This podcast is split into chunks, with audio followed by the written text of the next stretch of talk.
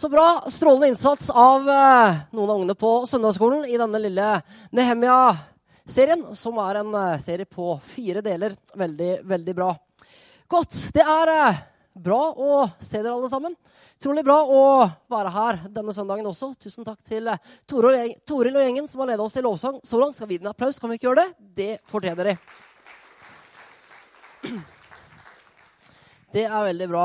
Mitt navn det er eh, Thomas Pedersen. Jeg jobber som ungdoms- og studentpastor her i menigheten og har gleden av å tale i formiddag. Jeg skal begynne med å be litt, og så går vi til, detaljen talen etterpå.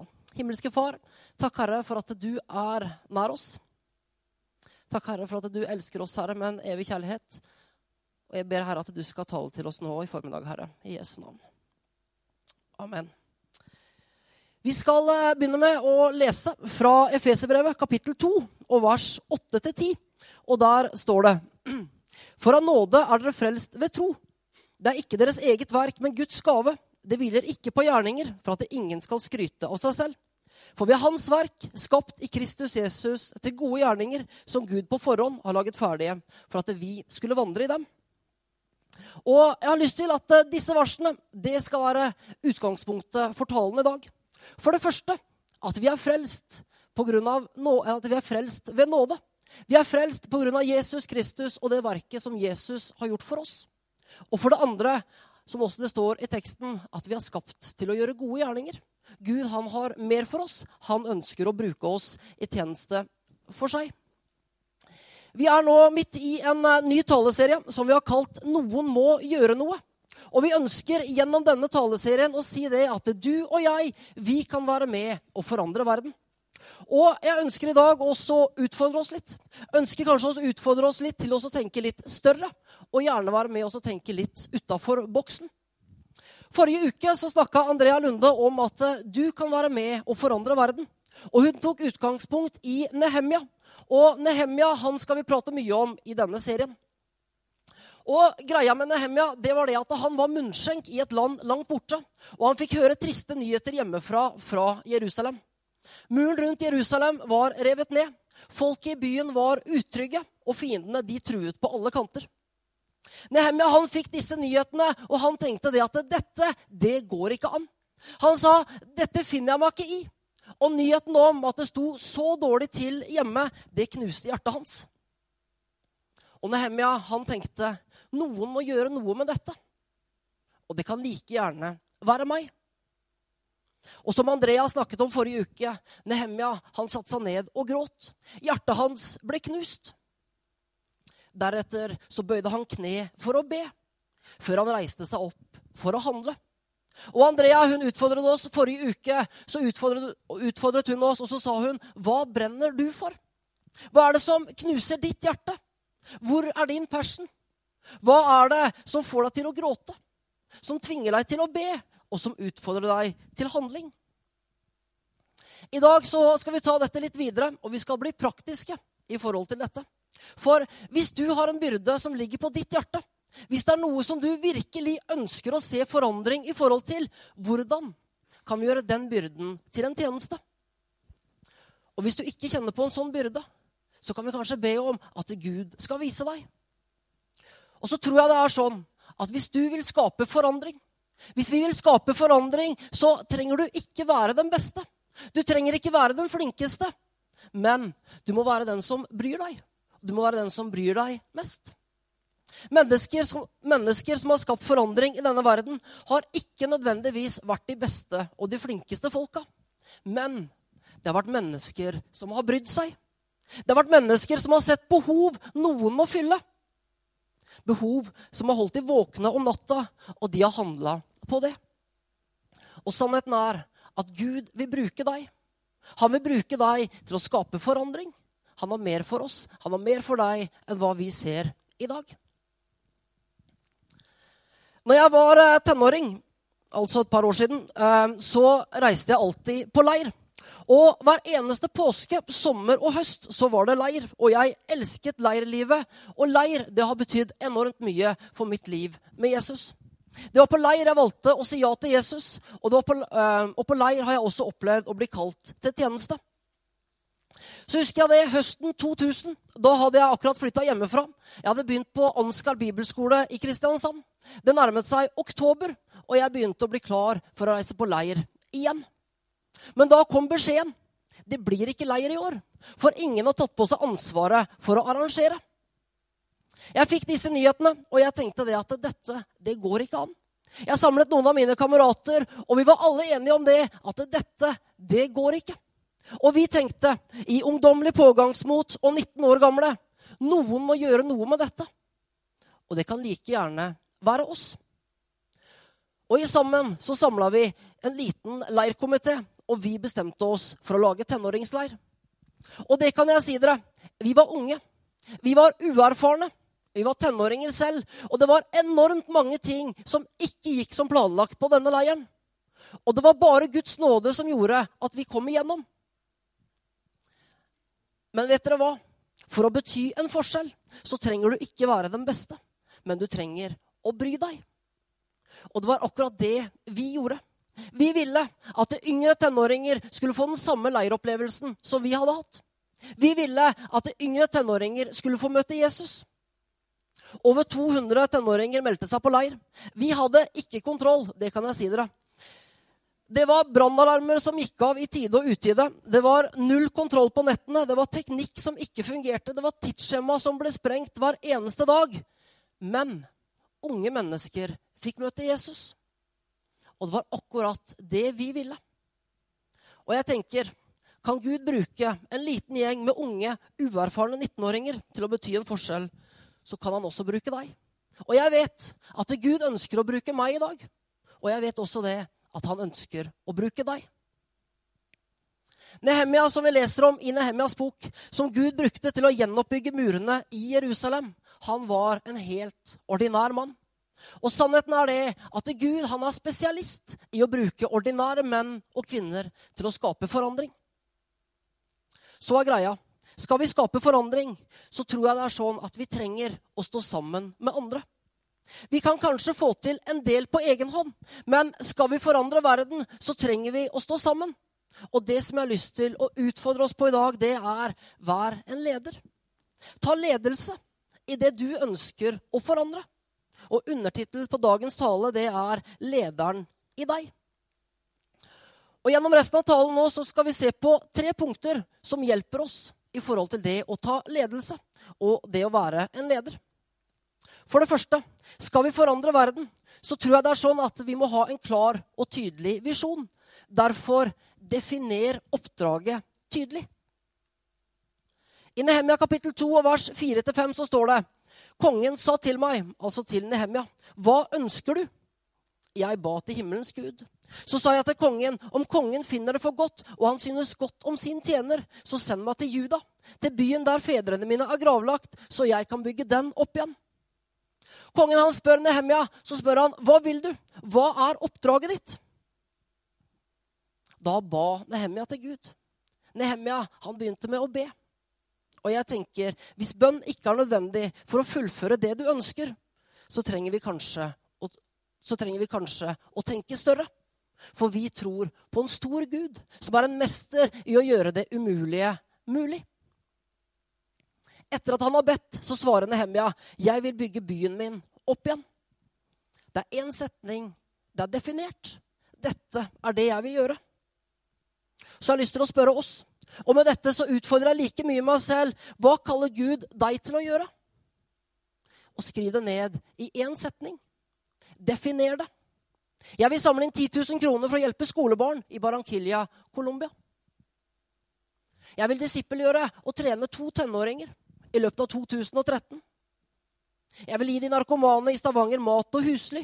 Jeg vil skape en tryggere hverdag for, for prostituerte i byen vår.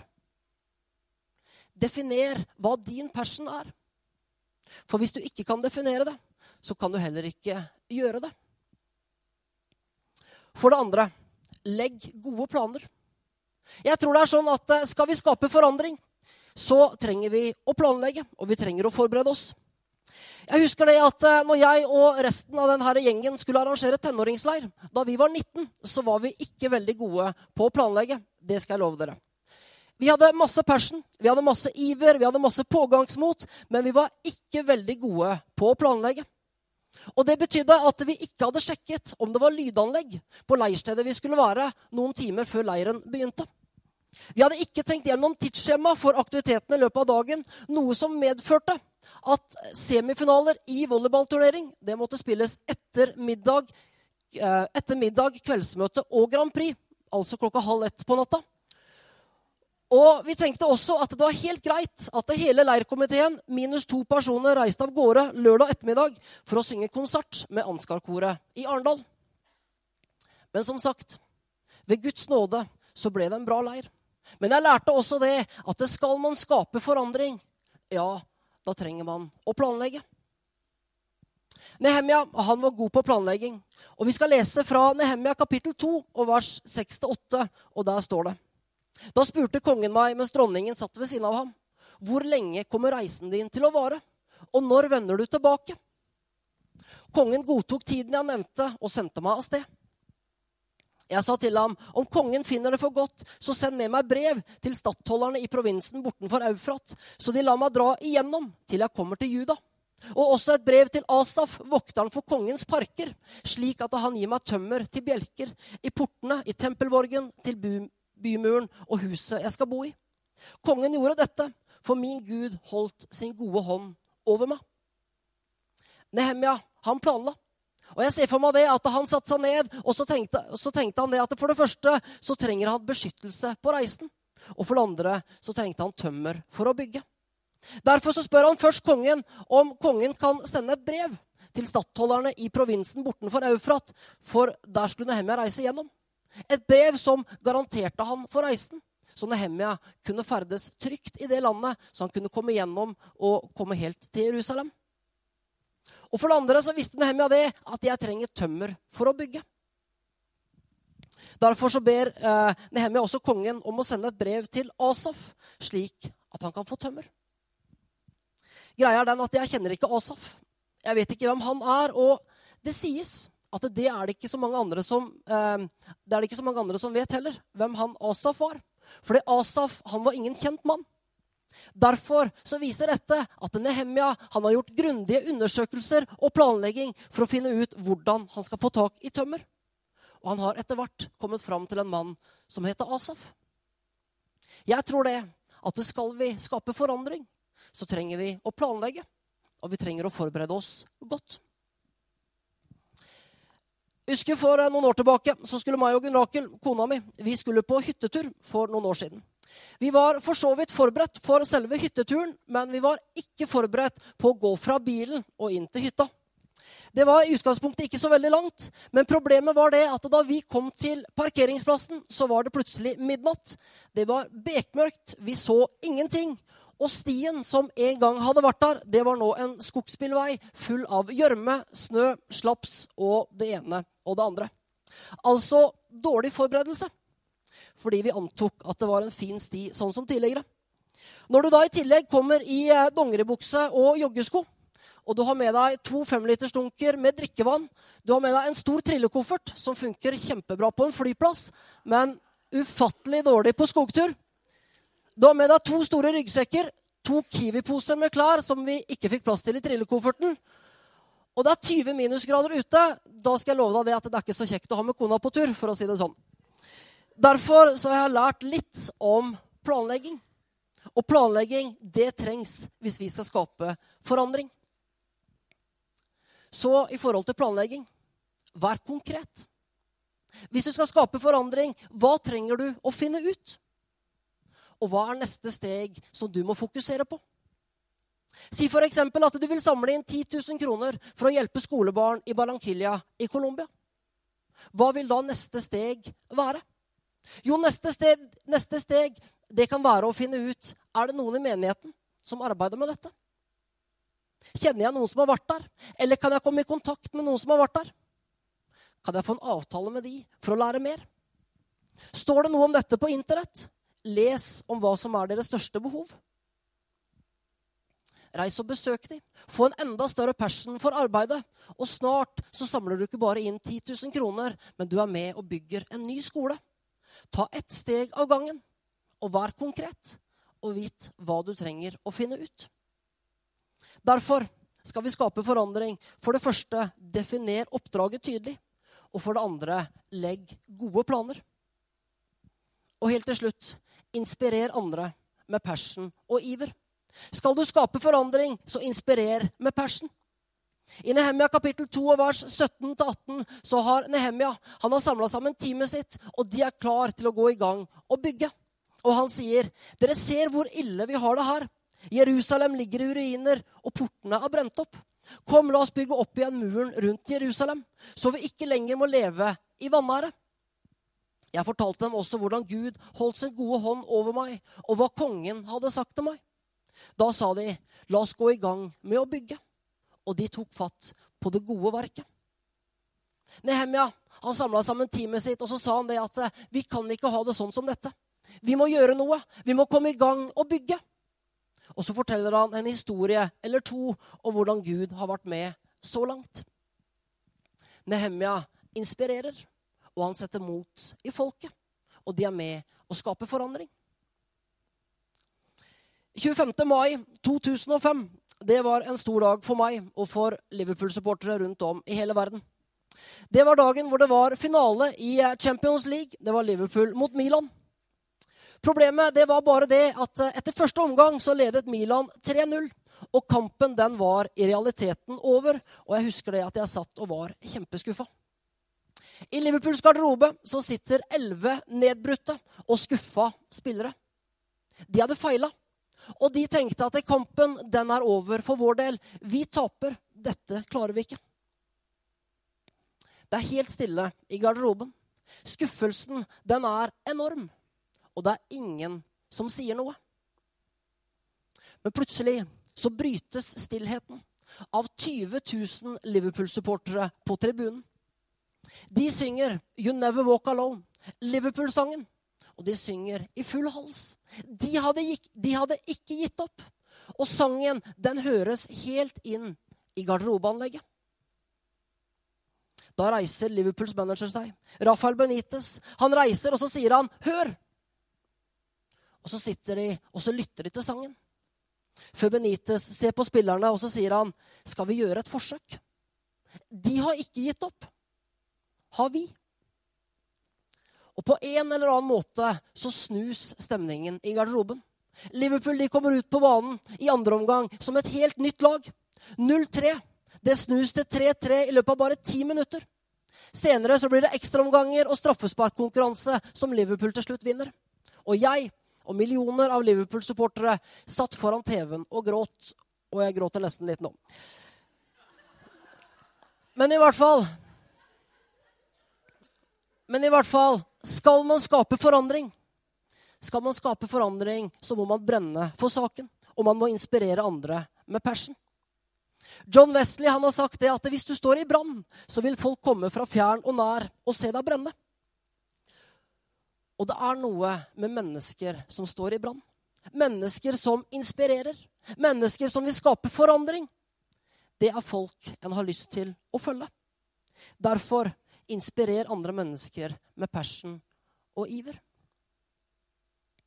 Helt til slutt Ikke kast bort livet ditt på noe som ikke har evig verdi, og som ikke betyr noe i den store sammenheng. Men gi hjertet ditt til Gud og bety en forskjell for andre mennesker. Og jeg har lyst til å avslutte der som vi begynte, med å lese fra Efeserbrevet kapittel 2 og vers 8-10. For da står det For av nåde er dere frelst ved tro. Det er ikke deres eget verk, men Guds gave. Det hviler ikke på gjerninger, for at ingen skal skryte av seg selv. For vi er Får vi det opp på skjermen? For vi er Hans verk, skapt i Kristus Jesus til gode gjerninger som Gud på forhånd har laget ferdige, for at vi skulle vandre i dem. Vi er frelst ved nåde på grunn av Jesus Kristus og det som han har gjort for oss. Og så har vi skapt til å gjøre gode gjerninger, til å bety en forskjell. Gud ønsker å bruke deg. Og noen må gjøre noe. Og det kan like gjerne være deg. Derfor vil jeg helt til slutt spørre oss hva brenner du for? Hvor ønsker du å skape forandring? hva er det som ligger ditt hjerte nærmest? Og hvis du ikke vet, så be om at Gud skal vise deg. Skal vi be. Himmelske Far, jeg takker deg, Herre, for at du sendte Jesus for å skape forandring. Takk, Herre, at ved Jesus så ble alle ting nye. Og Jesus, han forandra alt. Og takk, Herre, for at vi kan leve under nåden, Herre. Leve under det som du har gjort for oss. Og takk, Herre, for at din nåde, den er nok, og den er ny hver dag. Og så takker jeg deg også, Herre, for at vi er ditt verk. Vi er skapt i deg til å gjøre gode gjerninger. Til å være med og bety noe for andre mennesker og være med og bety en forskjell. Bruk oss, Herre, i tjeneste for deg. Og så ber jeg, Herre, at du skal vise oss, Herre.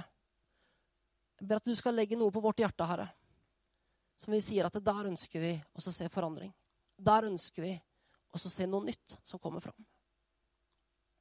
Vi ber om det i Jesu navn. Takk, Jesus.